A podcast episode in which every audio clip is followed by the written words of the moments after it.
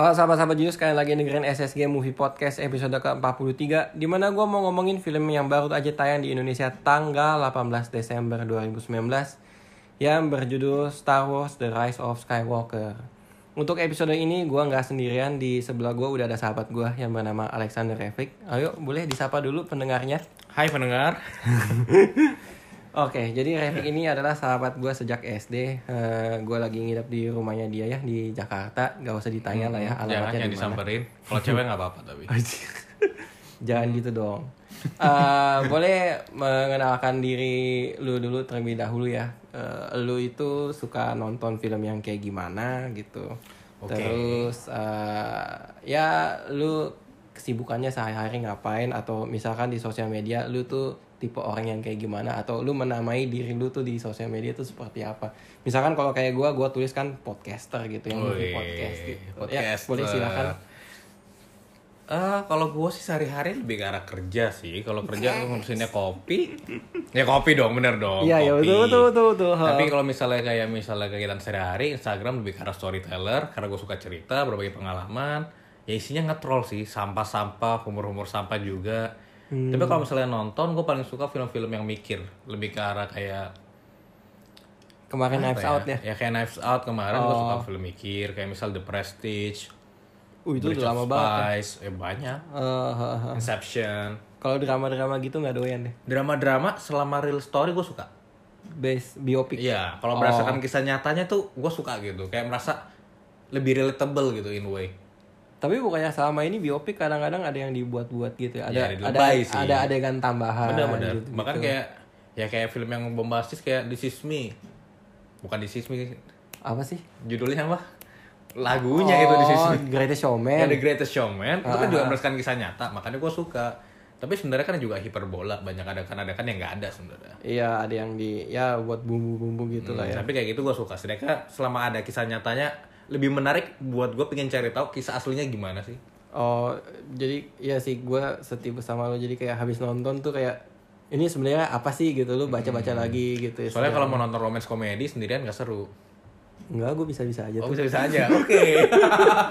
Oke, cukup ya pengenalannya. Eh, kita mau bahas apa nih? Eh, Star Wars The Rise of Skywalker atau bisa disebut Star Wars Episode 9 ya. Eh, disclaimer dulu di awal. Gue pengen tahu nih, lu sebagai penonton Star Wars kemarin, lu itu mengklasifikasikan diri lu sebagai fans yang berat banget atau ya cuman buat enjoy untuk eh, ada apa sih hype apa di minggu ini atau ya supaya nggak ketinggalan lah gitu. Lebih ke arah enjoy aja sih. Gitu ya. Karena gue gak ngikutin dari kayak episode 1, 2, 3, 4 Bahkan yang udah gue tonton pun tuh gue gak terlalu inget ceritanya sebenarnya Oh iya kalau nggak inget cerita wajar karena kan dia dari tahun Ya udah lama. Hal-hal kayak gitulah.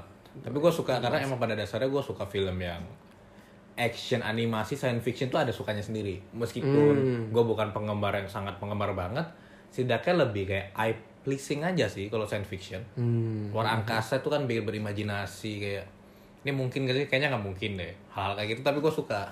Mungkin karena Star Wars tuh juga punya daya tarik tersendiri gitu ya. Jadi kayak Yes dia bisa menciptakan kerajaan atau kayak eh, apa sih lifestyle atau ciri khas mereka yang membedakan dengan franchise. Udah jadi culture sih itu. Iya iya iya betul betul. Udah jadi culture makanya harus nonton Setidaknya biar oh pengikutin Tapi di guys bawah, jadi kita guys bawah itu ya kita- kalau lu tuh bukan sebagai fans yang bener-bener ngikutin bukan, satu bukan. sampai. Oh. Kalau gua pribadi gua nonton eh, satu dua tiga empat lima enam tapi udah Buset. lama banget lupa gitu ya. Tapi gua di sini bukan orang yang kayak apa ya bilangnya ya. Setiap trilogi itu, gue merasakan setiap trilogi itu harus punya ciri khas tersendiri. Jadi kayak gak mau terlalu banding-bandingin. Yang penting enjoy aja nontonnya gitu. Oke Kalau dari eh lu berarti lu nonton di minggu pertama juga ya? Minggu pertama Itu Dan- hari keberapa ya? Kayaknya hari kedua atau hari ketiga deh Jumat kan? Jumat waktu itu Hari ketiga berarti. Hari ketiga Lu kan pas yang update di IG story itu lu nonton 4DX ya? Oh jelas Iya, Sekalian nyoba, belum pernah nyoba soalnya Sama sekali belum pernah Belum pernah hidup. Jadi Oh. emang sengaja nyari film tuh udah mikir Ah pengen nyoba deh 4DX selama ini gak pernah nyoba Nyari film-film yang bentar lagi keluar kira-kira apa yang seru ya Hmm. Oh Star Wars nih, luar angkasa, naik pesawat, banyak lightning, tembak-tembakan Kayaknya seru nih 4DX Hmm. Akhirnya memutuskan Oke gue langsung coba nonton 4DX Star Wars. Mantap. Ntar kita bisa bahas di segmen soal visualnya ya berarti Oke. ya. Kita masuk dulu seperti eh, biasa ya. Gua akan bahas si Star Wars ini, The Rise of Skywalker ini. Siapa aja sih yang berperan penting dalam kesuksesan film ini ya. Maksudnya sukses bisa masuk ke bioskop gitu ya, di produseri, di distribusi dan lain sebagainya. Dan aktor aktrisnya juga siapa aja gitu. Seperti biasa ya. The film ini tuh diproduseri oleh Disney yang sudah membeli Lucasfilm ya. Yap, sudah dibeli semua. Semuanya aja beli ya. Jadi kayak gue pernah bercanda sama Revik bener kan ya. Kayaknya lama-lama tuh setiap bulan tuh film Disney tuh tayang satu. Emang tiap bulan sih. Bahkan lebih nggak sih kayaknya? Kayaknya lama-lama nanti setiap Lebih minggu lah. tayang satu atau enggak nggak mungkin dua minggu sekali tayang satu masih mungkin, ya. Udah dimonopoli semua sama dia. Iya, tapi ya ya itulah ya Bob Iger. Ya. salah satu orang pentingnya duitnya udah Sukses nggak lah tahu dia. berapa. Mm-mm. Oke tadi kan kita udah sebut Disney ya. Kalau dari aktor aktrisnya tuh masih mendatangkan aktor aktris yang pernah bermain di trilogi terbarunya ya, mulai episode 7. Ada si cantik Daisy Ridley Wah jelas paling Yang- favorit berperan sebagai Rey ya. Ray. Lu susah nggak sih kayak pas lagi nonton tuh kayak keinget gua nggak? Jelas enggak lah, dia cantik ngapain mau ingat lu dong. Dia cantik Daisy Ridley secantik itu. Dia cewek ngapain gua nginget lu teman-teman namanya Ray. Beda, beda jauh. Tolong beda jauh. Oke itu cuman buat bercandaan doang ya. Terus ada juga eh, Oscar Isaac ya, yang berperan sebagai pilot Poe Dameron. Oscar Isaac itu FAE pernah bermain di eh, X-Men Apocalypse jadi musuh terakhirnya. Oh ya? Sadar gak? Wajahnya berubahnya total banget ya. Oh iya, selalu Iya, lama ada- gua baru kepikiran yang jadi raksasa itu kan. ya? Apocalypse kan lawan ibarat raksasa sih. Ada ada adegan dia jadi raksasa iya Iya, betul, tapi kan yang yang Yang mukanya wa- warna dicat warna juga kan. biru iya. Gak gak nyangka ya dandannya kayak, Kayak gitu. Thanos tapi gagal gitu kan. Selamat tinggal Iya. X-Men, sudah Betul, bergabung dengan betul. Disney. Sama ada satu lagi eh, John Boyega yang berperan sebagai Finn. N-nya 2. Harus kasih penegasan. Iya, kalau N-nya satu sirip. Iya bener kan di sini tuh Iya, tulisannya N-nya dua gitu kan John Boyega. John Boyega itu bagi yang belum tahu yang bermain di Pacific Rim 2. Tahu Oh, iya, kan? iya. Iya, pilot. Oh, oke oke oke oke. Dan Karena gue kalau bukan artis yang gue suka gitu gue nggak terlalu ngeh. Harus disebutin kayak gini baru mikir iya sih ada yang kulit hitam sih. Dan Boya dia, juga. dia ada main film apa lagi ya? Kayaknya baru dua itu doang yang ikonik yang gua Mhm. ini sih. Wah, kita belum bahas tokoh utamanya nih. Tokoh utamanya yang menarik abis ini. Iya ya betul betul. Kita lanjut dulu deh ya karena sebenarnya di film ini tuh banyak banget eh, selain tokoh utama banyak dari tokoh utama di episode-episode sebelumnya yang Yes. jadi referensi buat para fansnya ya. Ya bener banget. Mm, mm. Oke kita lanjut ke sinopsisnya. Jadi sebenarnya cerita ini tuh kayak eh, somehow ya salah satu musuh paling ikonik di Star Wars yaitu Emperor Palpatine ya entah bagaimana caranya dia bisa hidup kembali dan dia adalah dalang dari semua kekacauan yang terjadi saat ini adanya First Order, adanya Kylo Ren dan lain sebagainya yang membuat dunia tidak seimbang gitu. Dan tugas dari eh, petualang eh, apa misi dari Rey, Finn dan Poe Dameron itu adalah untuk menyelesaikan semuanya once and for all. Akhirnya. Mm-mm. Tapi kalau jadi gimana ya bilangnya ya? Dengan dasar cerita yang sangat sederhana ini tuh lu menangkapnya gimana sih si eksekusinya Star Wars 9 ini? Eksekusi di konteks apa dulu nih? Di dari segi cerita dulu deh. Kita ngomongin dari segi cerita. Segi cerita sih menurut gua oke sih. Meskipun balik lagi yang tadi kayak lu bahas kenapa Emperor bisa hidup lagi, terus apa esensinya di film sebelumnya dia mati, kalau dia hidup lagi kayak Ah, ah, ah, betul betul. jadinya kayak kesannya aneh sebenarnya. Tapi kalau buat gua ya, this is science fiction ya gua nonton buat fun sih. Jadi gua nggak terlalu mau mikirin plotnya gimana Hmm, hmm, hmm. kalau film ini. Oke, kita bisa ngomongin lanjut lagi selain dari dasar ceritanya ya. Eh, beberapa subplot-subplot atau bagaimana mereka membangun ceritanya sampai ke ending tuh menurut lu gimana gitu? Lu suka apa yang lu suka, apa yang lu nggak suka gitu? Oke lah, karena menurut gua tarik-tarikan dari si Ren sama si Rey Heeh. ya dalam kehidupan nyata dalam bisa dibilang cukup relatable nggak sih kayak orang selalu bilang oh ditarik sama malaikat tarik sama iblis maksudnya yang baik dan yang jahat kita sebagai hidup tuh kayak pengen berbuat baik atau berbuat jahat penarikan mereka itu selalu ada kayak goda-godaan kita untuk hidup tuh gimana dan menurut gua gua suka lah jadi kayak ini karena ini kan bicara tentang karakter developmentnya juga kan buat si Rey Ah, betul betul. dan ujung-ujungnya malah karakter development buat si Rennya juga Oh, I see ya. Jadi dia eh tag apa bilangnya kayak main bulu tangkis ya kiri kanan kiri Ya. kanan gitu cantik permainannya. Oke. mesra loh mereka Enggak juga menurut gue ya. itu kayak suami istri yang lagi bertengkar aja sih gitu. Kamu harus ikut ini enggak enggak kamu harus ikut ini gitu. Iya gak sih? nggak yang mau ngalah sampai akhirnya cowoknya ngalah Hmm. karena cewek selalu benar enggak enggak enggak Kebetulan aja tokoh utamanya di sini cewek, nggak Kan bisa kita harus gitu dong. dong keren loh tapi maksudnya gue suka sih karena zaman zaman sekarang kan mulai banyak film di mana cewek yang jadi tokoh utama gitu belakangan kayaknya lagi ngetren sih ya emang ya berapa tahun terakhir Tapi itu eh, iya ya kayak film Charlie, superhero juga kan Charles soalnya. Angel, eh, Captain Marvel tahun ini juga. Captain Marvel. Eh, Charles Angels tahun depan ada Wonder Woman tahun depan, iya ya betul betul. 1984.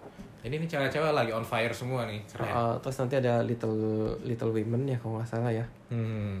Terus banyak deh ya harusnya.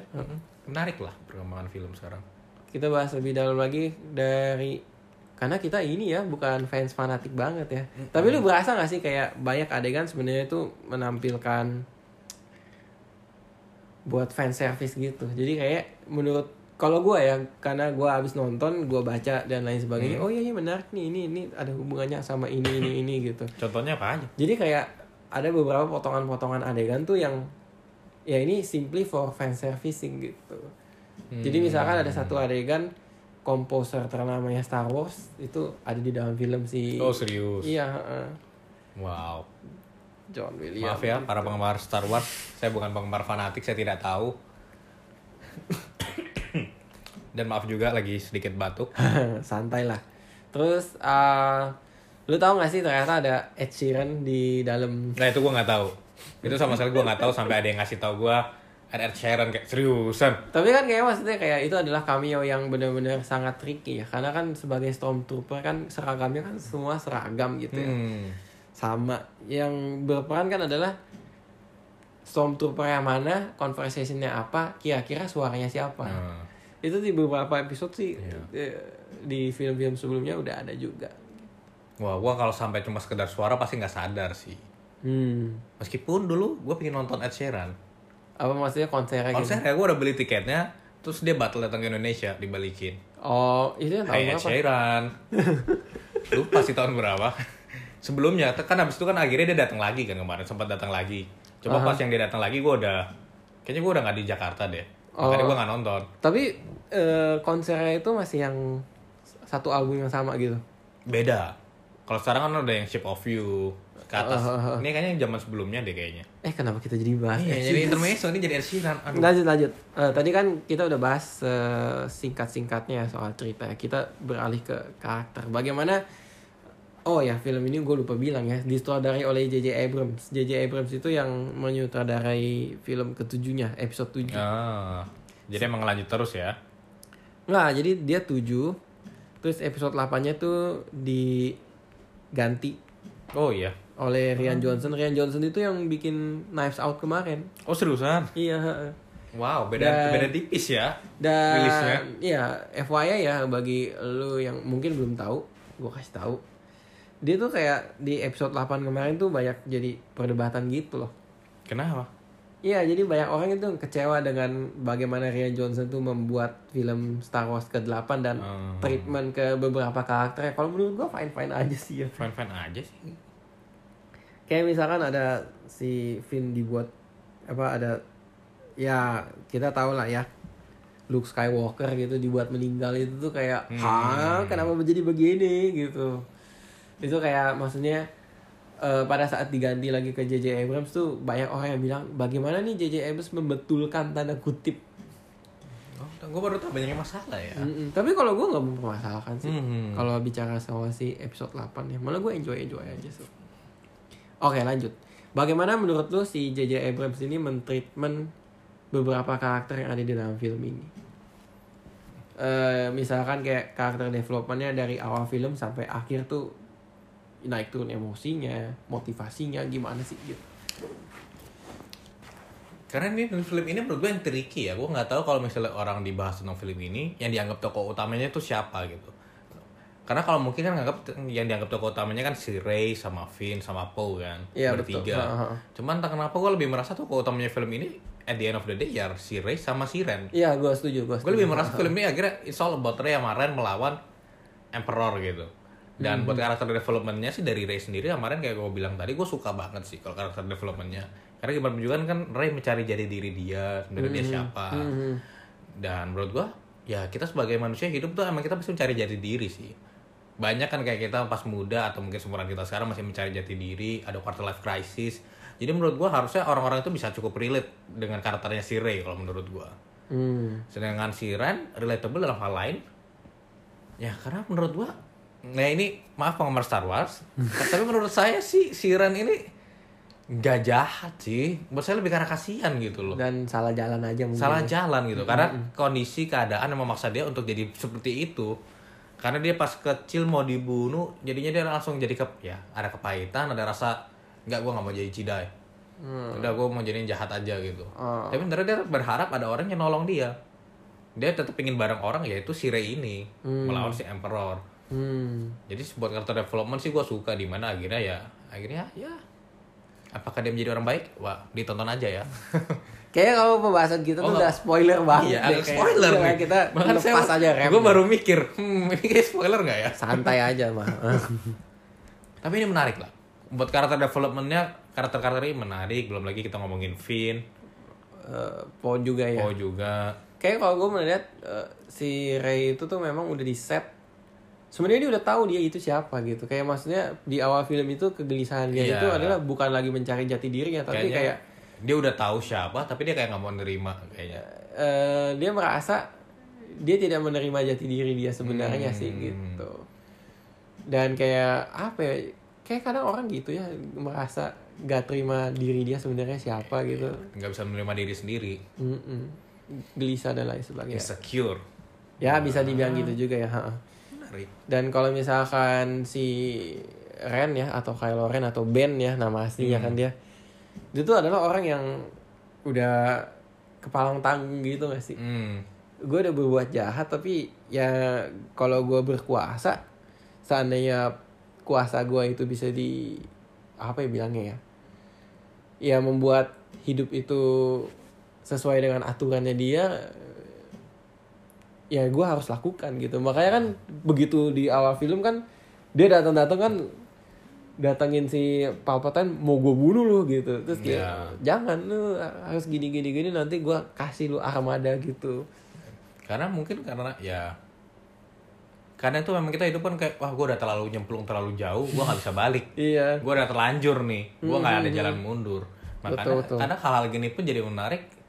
Ya kalau misalnya gue lagi ngobrol sama teman gue yang cukup religius gitu mereka kan juga bahasnya kadang hidup tuh kayak wah udah terlalu merasa berdosa nggak ada gue nggak bisa diampuni jadi nggak bisa jalan balik ya kadang gue rasa emang itu sifat manusia sih Mhm. ketika kita udah terlalu jauh ah nggak ada- nggak ada jalan balik lah selalu gitu terlintas dalam hal apa pun itu juga sih Mhm. kayaknya pacaran mungkin juga sama nggak tahu juga ya tapi ya Iya sih agak susah sih. Tapi ya, kita setuju bahwa kayak bagaimana si JJ Abrams karakter di sini tuh lebih ke arah manusiawi sih ya. manusiawi kok banyak yang relatable Bukan sesuatu yang eh, ah dibuat-buat banget. Ya walaupun ini film ya, tapi kayaknya gak motivasi-motivasi karakternya tuh bagaimana mereka bertindaknya tuh gak sesuatu yang hah kok gini amat sih bertindaknya Hmm. gitu. Itu yang kita tanggap ya. Nggak tahu nih kalau fans-fans yang penonton-penonton Star Wars sejati menangkapnya seperti apa. dan meskipun ini film action ada romansnya lah Iya, ha, ha, ha, lumayan lah ya. Tapi ya namanya ini saga, saga terakhir ya. hmm. Kayak semuanya tuh serba desperate gitu. Apa pun bisa terjadi. Ya udahlah komennya kita jeblakin aja gitu. paksa masuk ada romance tiba-tiba kenapa tiba-tiba ada yang ciuman ya hmm. Eh, Jadi spoiler eh, yang ciuman tuh nggak cuma satu doang loh. nggak cuma Di- satu Terakhir ada. emang iya Iya iya. Isu-isu Disney memperjuangkan Oh. double minoritas. Ya, kalau itu gua Iya. tahu. Ya, gua lihat, gua lihat adegan itu pas tiba-tiba- udah tiba- ending kan. Tiba-tiba lu udah lega-leganya gitu kayak aduh damai damai terus tiba-tiba ada adegan itu hah kok kayak gini gitu lu kaget gak sih Gua enggak sih, karena kan gua termasuk liberal. Jadi Dan kalau suka misalnya ya enggak juga gitu dong juga dong. Tapi menurut gua kalau misalnya zaman sekarang kita nonton Hollywood, emang mereka lah sedang memperjuangkan gerak ya LGBT plus gitu-gitu kan. Gua nggak tahu sebenarnya gua boleh ngomong atau enggak. Tapi maksudnya kalau ada adakan kayak dari mereka ciuman menurut gua ya sekarang udah jadi normal sih.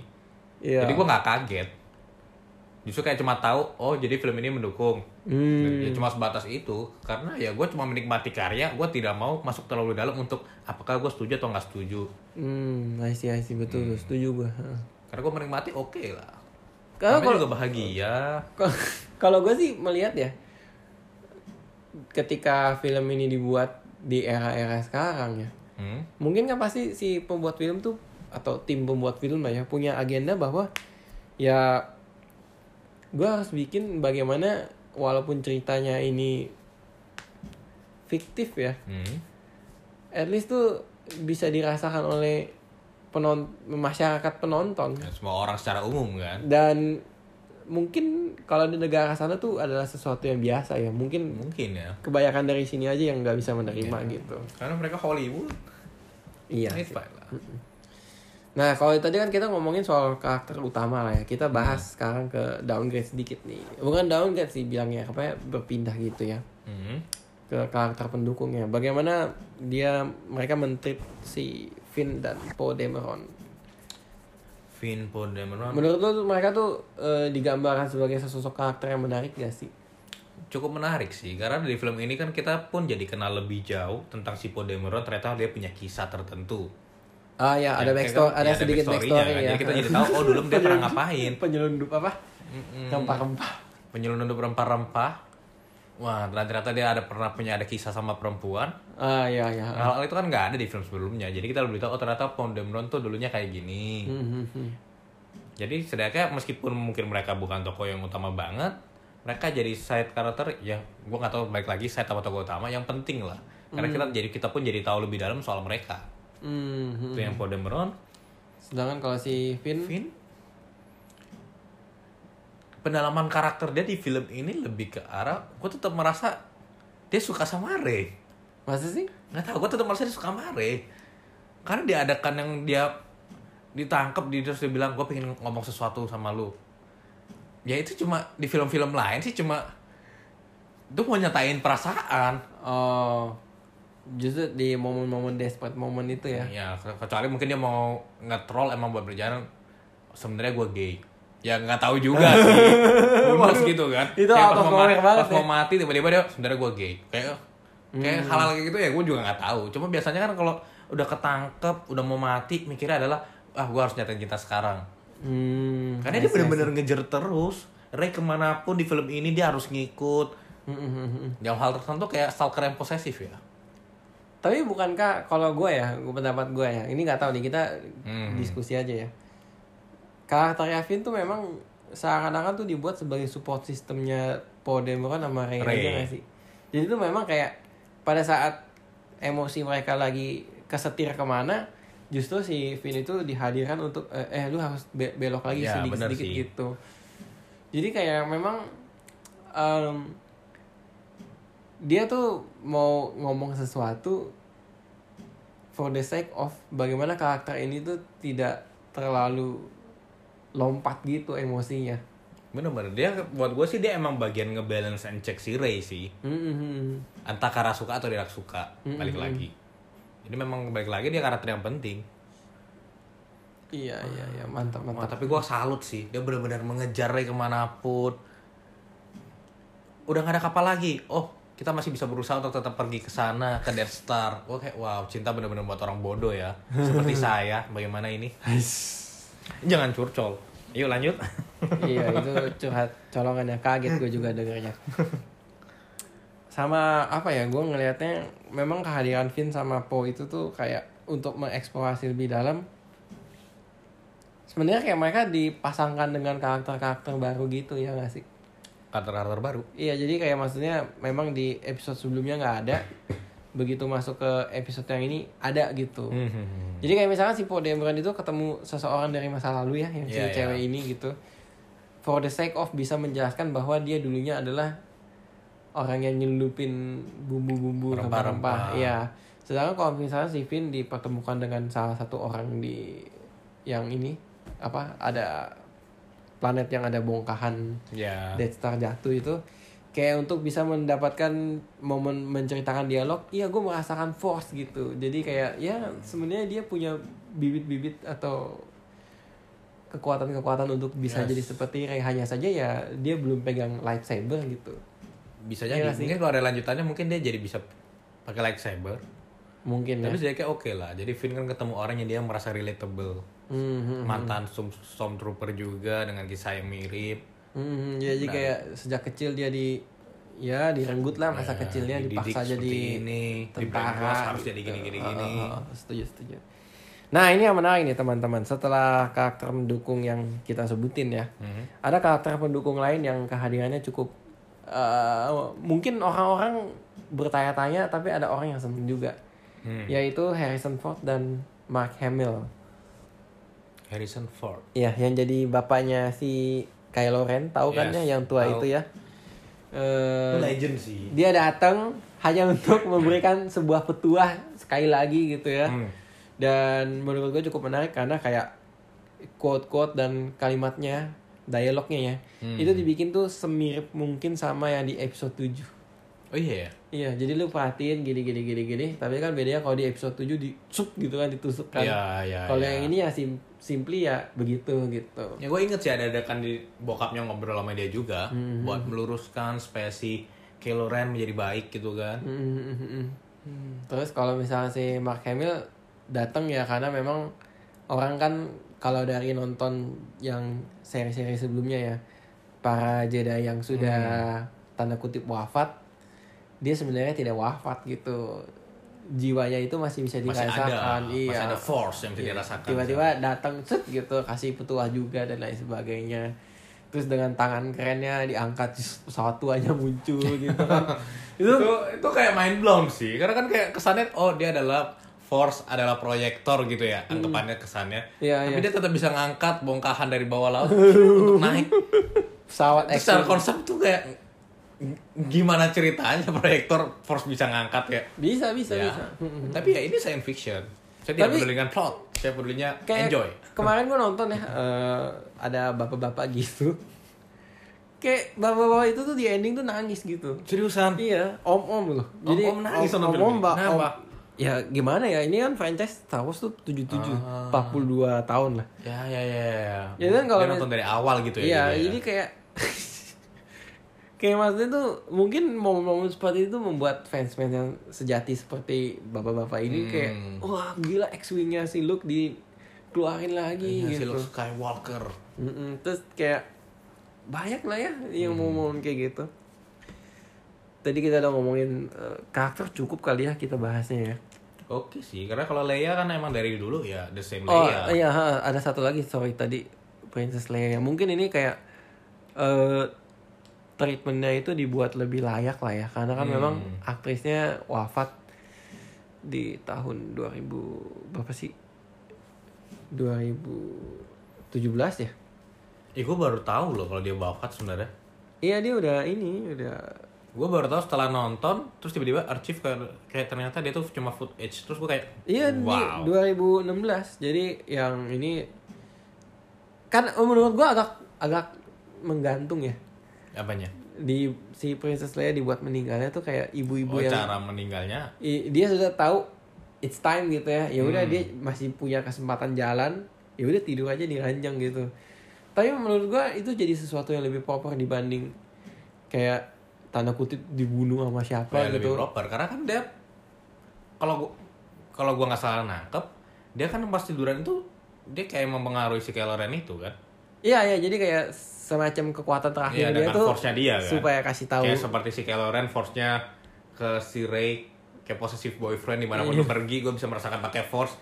Nah ini kan juga sama dia pakai force belum meninggal menghentikan anaknya supaya anaknya itu ketusuk cok gitu kan. Hmm. dan menurut gue ya is proper lah jadi setidaknya lu mati for the greater good gitu Hmm, setuju setuju. cuma keren sih karena gue nggak tahu kalau dia itu awalnya udah meninggal gitu jadi Hmm. jadi dia bisa bikin adegan itu kayak mungkin CGI kali ya Iya. Karena sebenarnya kayak pada saat si episode 8 ada, hmm? ada satu adegan kalau lu inget ya. Itu kan sebenarnya kapalnya mereka tuh ditembak. Dar gitu kan. Hmm. Si itunya mental keluar. oh iya Si Princess Leia-nya mental keluar tapi somehow dia tiba-tiba bisa masuk ke dalam lagi. wow Jadi kayak simply tuh adegan itu tuh kayak ini dia bisa meninggal nih di luar angkasa tapi Hmm. dengan kesaktiannya itu balik lagi gitu dia dibikin koma doang. ah. Wah perhatian ya anda ya? Ya gue masih inget sih gue. Wah perhatian. Pantas punya atau atau itu apa eh, mungkin gue lupa lupa ingat atau salah kurang akurat. Tolong dibenerin aja ya teman-teman. Gue mau memuji aja. Pantas perhatian punya pacar gitu. Waduh waduh waduh. Dipuji-puji nih. Mm-mm. biar nanti bisa dijatuhkan. Oke kita lanjut nih ke eh, poin ketiga. Aspek pendukung ya. Visual dan musik kalau menurut lu sebagai penonton 4DX ya gimana rasanya nonton di 4DX kalau gue sih nonton di layar gede ya Hmm. kalau 4DX kan layarnya nggak terlalu gede banget tapi ada efek tambahan kayak kursi goyang segala macam gitu goyang. Gimana gimana? Boleh jelasin. karena itu emang baru pertama kalinya gue nonton 4DX buat gue fun banget sih kayak merasa kayak kesannya tuh kayak gue lagi di Disneyland tau gak sih yang Aha. kebetulan karena sudah dibeli sama Disney Tetek dus. Iya, sudah dibeli sama Disney kayak merasa gue lagi di Disneyland nonton 4DX kayak seru lah. Totally gue pengen nonton lagi sih 4DX untuk film model gini lagi. Karena ya seperti yang dijelasin sebelumnya kan film ini ada kayak kalau penderita epilepsi cahaya hati-hati karena banyak Ya, cahayanya film pengumuman. ini. Ha, ha. Ada pengumumannya juga kan. Baru mulai aja kan yang di adegan Terus pertamanya ada- udah pertama udah pas pesawat gelap terbang terus ada thunderstorm, ada petir-petir. Jadi di filmnya sendiri aja udah terang kayak ke flashback loh. Maksudnya, lu- ya kan di layarnya kan tiba-tiba Ya. putih. Jadi nggak cuma layarnya tiba-tiba jadi putih terang. Kalau 4DX tuh di kiri kanannya tuh ada lampunya lagi gitu. lampu kilat gitu lampu ya. kilat. Jadi depan terang. Pas depannya nggak terang, cuma ada petir, lampu kilat nyala. Hmm. Jadi kayak gitu terus jadi kayak buset nih film terang banget. Kayak tapi seru, buat gue Hmm. seru dan gimana dia gak cara goyang, audio visualnya, terus kan ada adegan yang di Death Star kan ada airnya, Oh yang eh, ya ya ada. ada kan kayak surfing lah ibaratnya, Ah. kan ada airnya muncrat-muncrat gitu. Di 4DX pun tuh airnya juga muncrat, meskipun gak banyak, terbasah dong kalau banyak baju saya. ya, ya airnya pun juga muncrat. Jadi film ini tuh kayak buat nonton 4DX lengkap lah, dari suara, kilat, Oh, oh, oh. asap, air. Jadi buat gue sih gue puas sih buat nonton 4DX film ini. Kalau buat yang nonton gue rekomen banget nonton 4DX. Kayaknya masih ada ya Harusnya masih ada. Oh. Sama itu gak sih kalau misalkan kayak menurut lu bagaimana mereka menempatkan efek-efek 4D-nya itu dengan adegannya di dalam tuh menurut lu cocok atau enggak? Cocok sih. Pas ya semuanya. Kalau kayak pertarungan lightsaber tuh ikutan goyang gak sih? Kursi? Ikut. Ikut goyang, ikutan kadang ada cahayanya ke pas celing celing celing. Pas- jadi maksudnya balik lagi cahayanya gini gimana ya ngomongnya ya? Kan karena lightsaber sama kalau nggak pisau nembak. Itu tuh kadang lampu kilatnya nyala juga pas Oh. adegan itu. Hmm, jadi selain bergoyang pas saling adu pedang lightsaber tuh juga kilatnya nyala gitu loh. Hmm. Jadi buat gua seru sih. Oh mantap deh.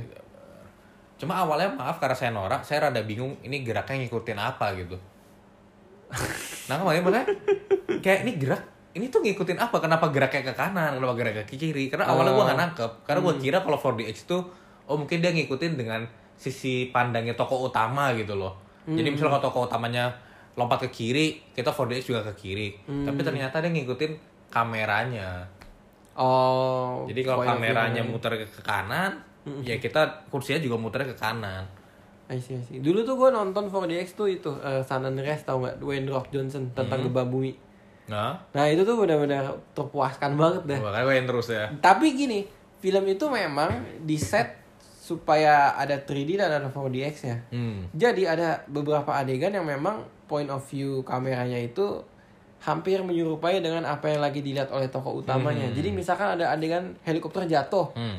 Eh, helikopter jatuh kan dia kayak rotornya rusak gitu muter gitu kan ya. Hmm. Mungkin teman-teman yang denger nggak tahu tapi kayak lu bayangin ada helikopter eh, buntutnya patah. Jadi helikopternya muter tuh. Ha. Bayangin kameranya tuh di dalam helikopternya.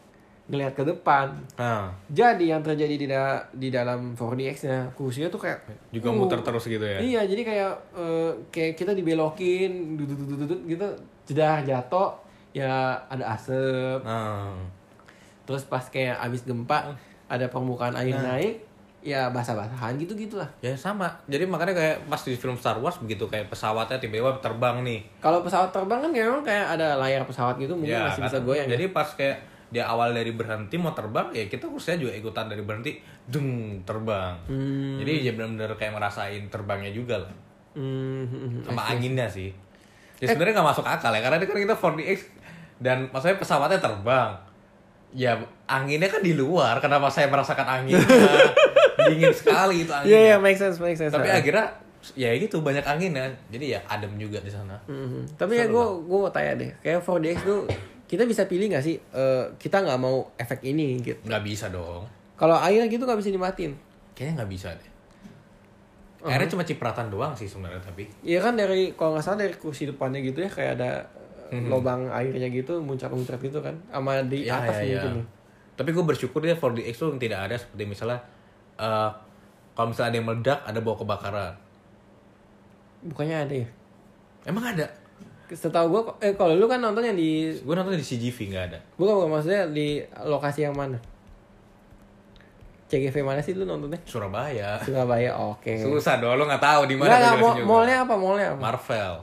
Marvel. Karena apa? di Surabaya CGV itu cuma ada dua, di Marvel sama BG Junction. Oh, Jadi gue nonton di Marvel. Hmm. Tapi menurut gue harusnya nggak boleh ada tau, bahaya loh. Lo bisa bayangin nggak sih lo lagi nonton 4DX, tiba-tiba ada bawa kebakaran, terus lo malah mikirnya, oh ini karena ada pesawat meledak nih. Ternyata beneran kebakaran. Tapi kan kalau misalnya kebakaran itu beda dong. Kalau di depan bioskop kan ada exit yang hijau itu. ya iya, ada. Kalau misalkan berkelip itu baru dong itu kayak emergency lu harus keluar. Hmm, tapi kalau misalnya orang nggak sadar kan, wah ada bawa kebakaran. Iya bener juga ya. Oh ini nggak lah ini karena pesawat terbang tiba-tiba beneran ada kebakaran kursinya yang dari goyang-goyang ada yang masalah kan jadi konyol nih bahaya weh nggak boleh lah. Make sense, make sense. Iya, iya, iya. Jadi apa lagi ya? Musik, musik. Musik kembali lagi eh, si ini sih ya yang bawain Musik siapa? Nggak terlalu merhatiin ngomong jujur musiknya. John William lagi sih komposernya ya. Ah, oke. Dia memang kayak langganan gitu, udah tua banget John William kita googling aja nih. Dia emang pengalaman kalau Star Wars dia yang bikin biasanya. Dia tuh era-eranya ini ya, tahun tahun-tahun jadul kayak Jurassic Park dia gitu, E.T. Berarti yang bikin soundtrack anthemnya Star Wars juga dia. Iya, iya. Tet. Banyak yang eh, Imperial March gitu, si First Order gitu-gitu. Itu umurnya udah 87 sob. Buset. Panjang umur ya. Iya, 87 aja tuh masih berkarya gitu. Anda yang masih muda udah males-malesan di rumah. Tolong jangan jadi kayu mati ya. Kayu-kayu mati. itu dong. Eh, tagline orang lain Tagline orang lain. Iya, jangan jangan ini kita. Nah. Tapi lu lihat di Google Translate gak sih kalau kayu mati itu ya sebenarnya kayu mati itu kan tidak produktif. Ah. Ya itu. ya memang. iya. Makanya disebut kayu mati Iya, kan. iya betul betul. Memang itu maksudnya. Ya. Kalau saya ya sekarat aja lah. Belum mati. Ya tapi kan lu kerja di kopi, Wow. lumayan. Barista, barista. Oke lanjut tuh. Si John William ini tuh memang kayaknya sih memutuskan untuk pensiun ya dari Star Wars. Maksudnya kayak dia bikin eh, scoring ya istilahnya. Scoring terakhirnya Star Wars tuh ya di episode 9 ini gitu. Ah. Belum ada kabar lagi sih. Semoga kalau kalau lu tipe orang yang lu termasuk yang mau ini berlanjut atau enggak? Kalau gua udah enggak loh, cukup deh. Film. Star Wars ini. Iya. Kayaknya cukup sih. Mungkin sampai berapa tahun lagi, mungkin suatu saat gue rasa akan di reboot sih. Ribut. Gue rasa sok kemungkinan itu ada gak sih di reboot? Film apa pun kan selalu kalau udah lewat 10 tahun, 20 tahun, mari kita reboot dengan teknologi yang terbaru. Gue gak berani ambil resiko sih untuk sebesar Star Wars ya. Karena ras gimana pun juga Star Wars kan udah jadi kayak udah jadi culture gitu loh. Menurut gua udah jadi culture banget. Kita sebagai anak millennials tuh pasti sedangkan tahu Star Wars. Hmm. Ciu baca gitu-gitu. nggak mungkin nggak tahu.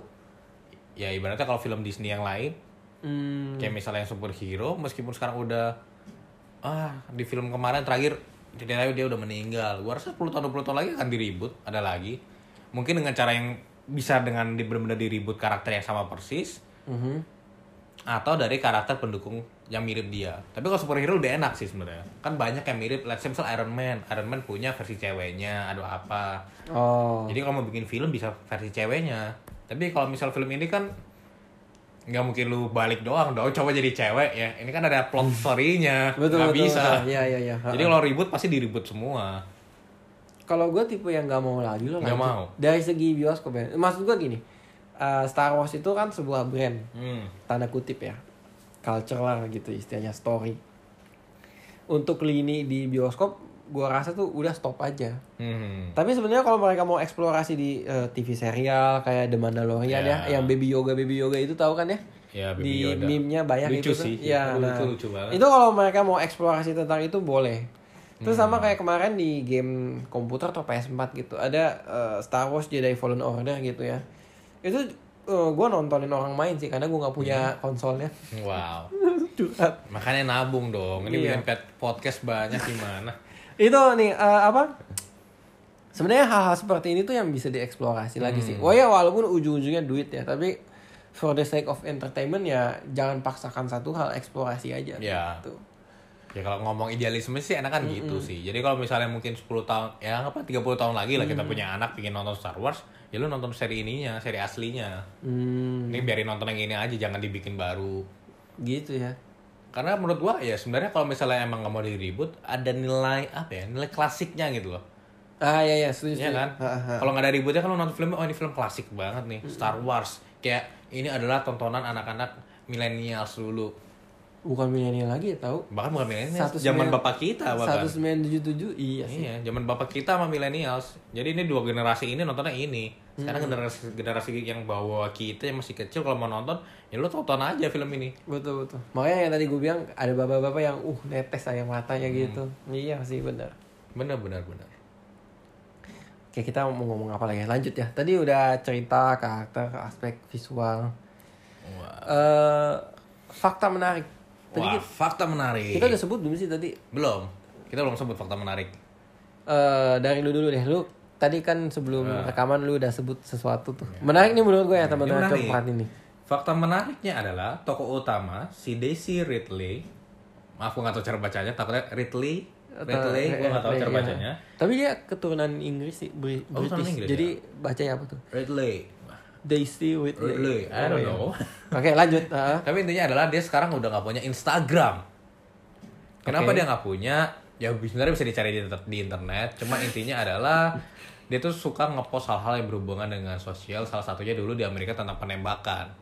Hmm. penembakan nah itu sempat dibahas tapi di komentator tuh banyak orang-orang yang cancer kayak kayak bala bilang gini kata seseorang yang nembakin orang lain di filmnya Oh. jadi kan maksudnya kan si Ya, Ray ya, ya, ini di tahu, filmnya tahu. kan Wih. si Ray kan kayak nembakin orang nusuk orang lah berantem Ya apa. kan dia punya pistol kecil ya. Ya, kan emang action namanya juga action movie. Tapi ada aja orang komentar eh, lu kan di film lu juga gitu nggak usah komentar deh tentang pistol di Amerika kayak. Ini ini orang tuh cancer.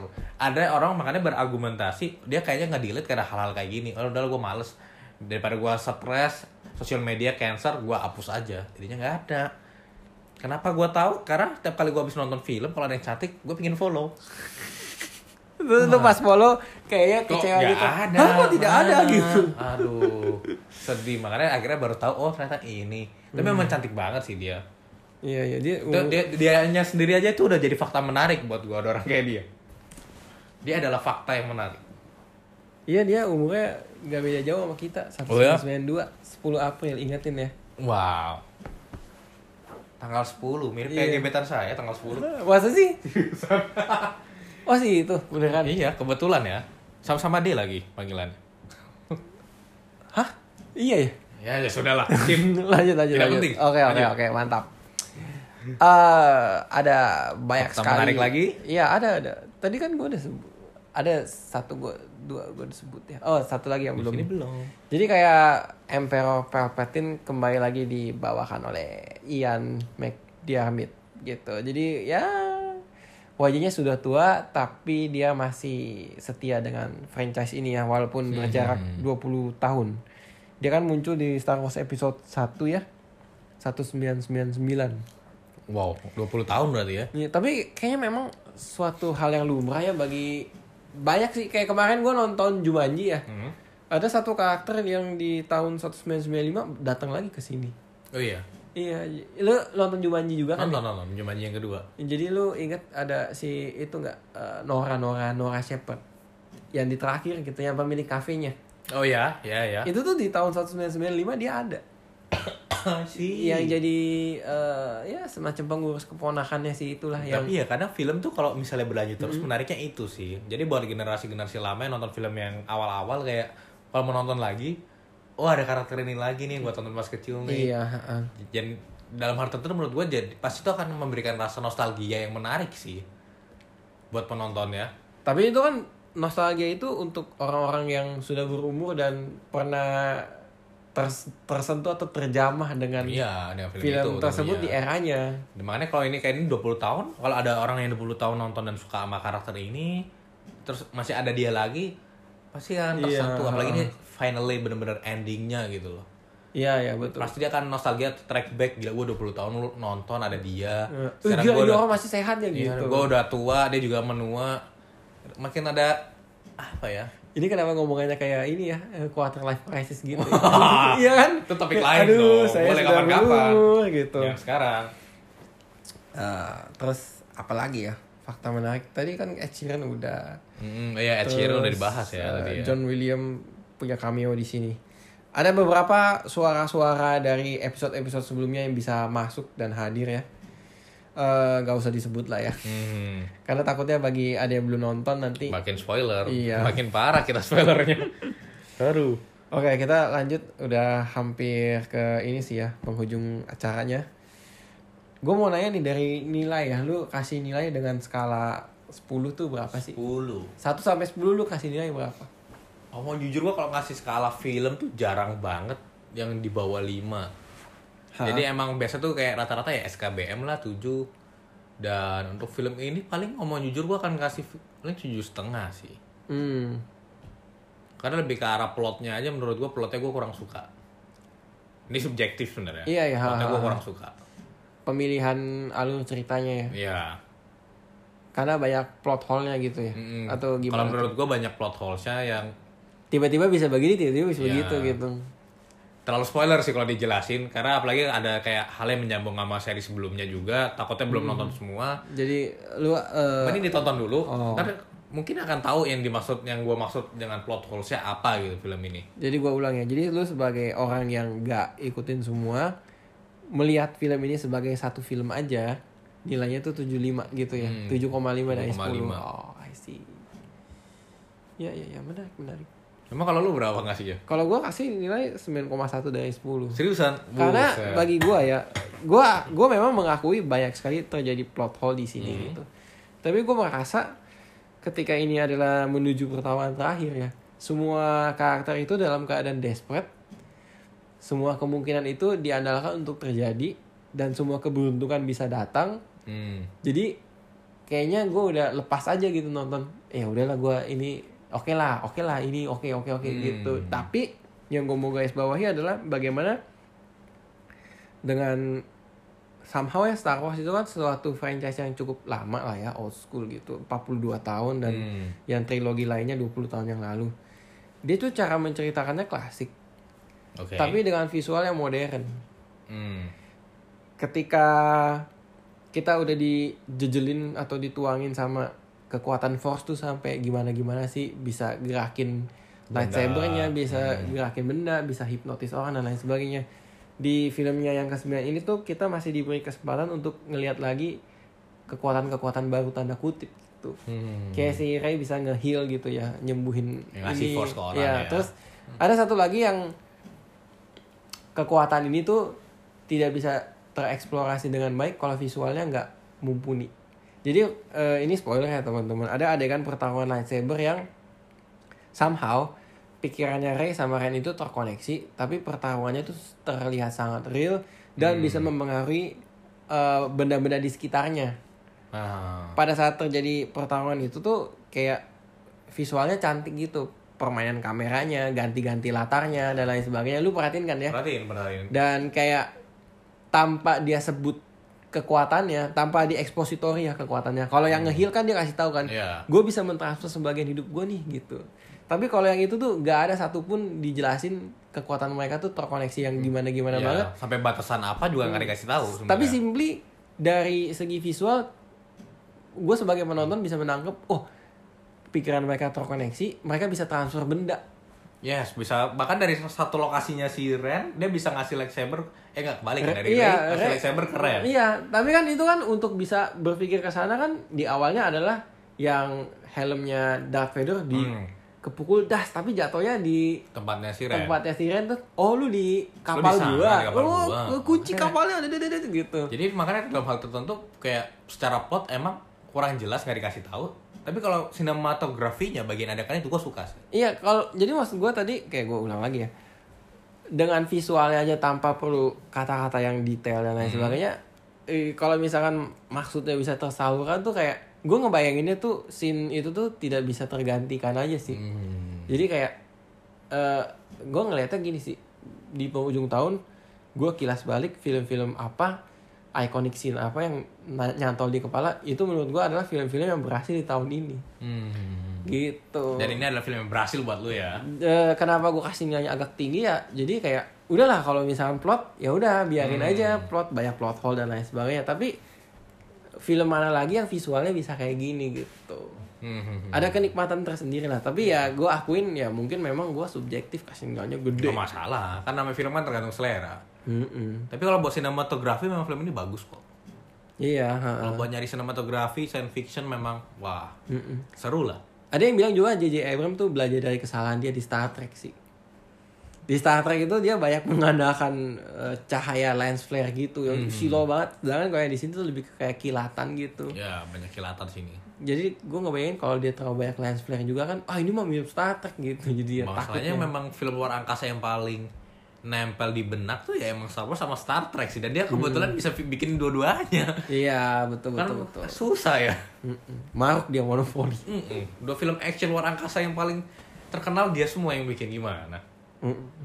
terlepas ada yang berhasil ada yang gagal lah ya. Oke, kita udah ngomongin soal nilai. Nah ini terakhir nih ya teman-teman kita mau ngomongin soal sebenarnya ada nggak sih moral dari sebuah film Star Wars ini?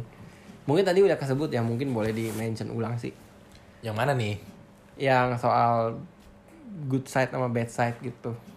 Ya moralnya, eh, ya, kalau soal itu moralnya ya, namanya kita hidup selalu akan ada tarik menarik antara yang baik sama yang jahat sih. Hmm. Karena kadang ya pasti kita namanya hidup kan lagi kita lagi jalan, tiba-tiba ada suatu kejadian dan kita akan akan selalu mikir kalau baik sebenarnya yang baik gue harusnya gini sih. Hmm. Tapi gue males baik, kayaknya enakan jahat sama orang ini. sama orang ini mah jahat aja lah katain gitu kan. Hmm. Jadi selalu kan ada tarik menarik itu. Tinggal terserah mau ngikutin yang mana baik apa jahat. Tapi namanya Hmm. film ya balik lagi akan selalu yang menang ya yang baik. Ah nggak juga. Kadang ada beberapa film yang tren zaman sekarang tuh endingnya multi interpretasi. Ya dibikin gantung kan, tapi Iya. tidak ditunjukkan bahwa yang jahat menang. Iya iya betul betul. Karena betul. berbahaya dong, kayak Joker, bahaya itu. Joker pun nggak ditunjukin Dia menang. Iya, kan kayak multi interpretasi. Interpretasi, ya cara paling aman gitu. Kalau tunjukkan dia menang, semua memberontak bahaya dong. Takutnya jadi ini ya, Jadi rakyat doktrinasi. ntar, doktrinasi jadi rakyat. Udah itu. Udahlah ya cukup lah ya, ini udah lama banget. Thank you banget Rafik udah Wah, gak datang. berasa sih. Baru berapa kali loh saya S2. mencoba. Iya, kalau ketagihan boleh lah ngomong-ngomong lagi. Kita ngomongin topik tapi bukan film. Nanti itu bisa disiapkan di podcast lain asik. Asik. Ya sekian dari gua, gua Ray mau pamit undur diri dulu. Dan Dari- gua Alex, Alexander Rafik. Ya. Terserah mau manggilnya Alex Rafik, bebas lah. Mm. Nanti teman-teman yang penasaran dengan konten-konten menarik dari Rafik bisa follow IG-nya ya kalau Wow. berkenan. Di deskripsi udah gua tulis atau bisa di add dot abu gimana sih sekarang lu ganti V.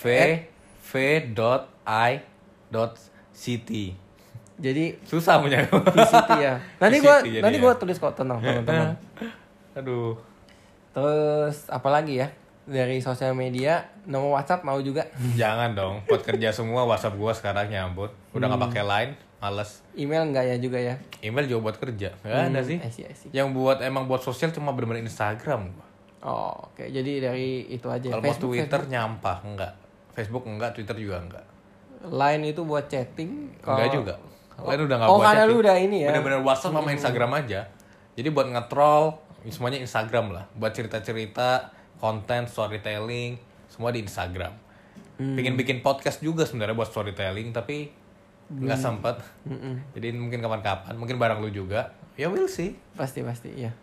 Oke sekian dari kita ya. Kita mau pamit undur diri dulu. Jangan lupa untuk follow sosial medianya So Stupid News ya. Sudah tersedia di deskripsi. So stupidly genius. Iya atau singkatnya SSG gitu ya. SSG Movie Review atau SSG Movie Podcast. Jangan lupa untuk follow uh, Spotify dan beberapa media podcasting lainnya ya. Seperti Yes. Penyu FM dan kayaknya baru dua itu deh. Oh sama Anchor FM. Oke, nantikan episode selanjutnya. Sampai jumpa ya. Dadah. Bye.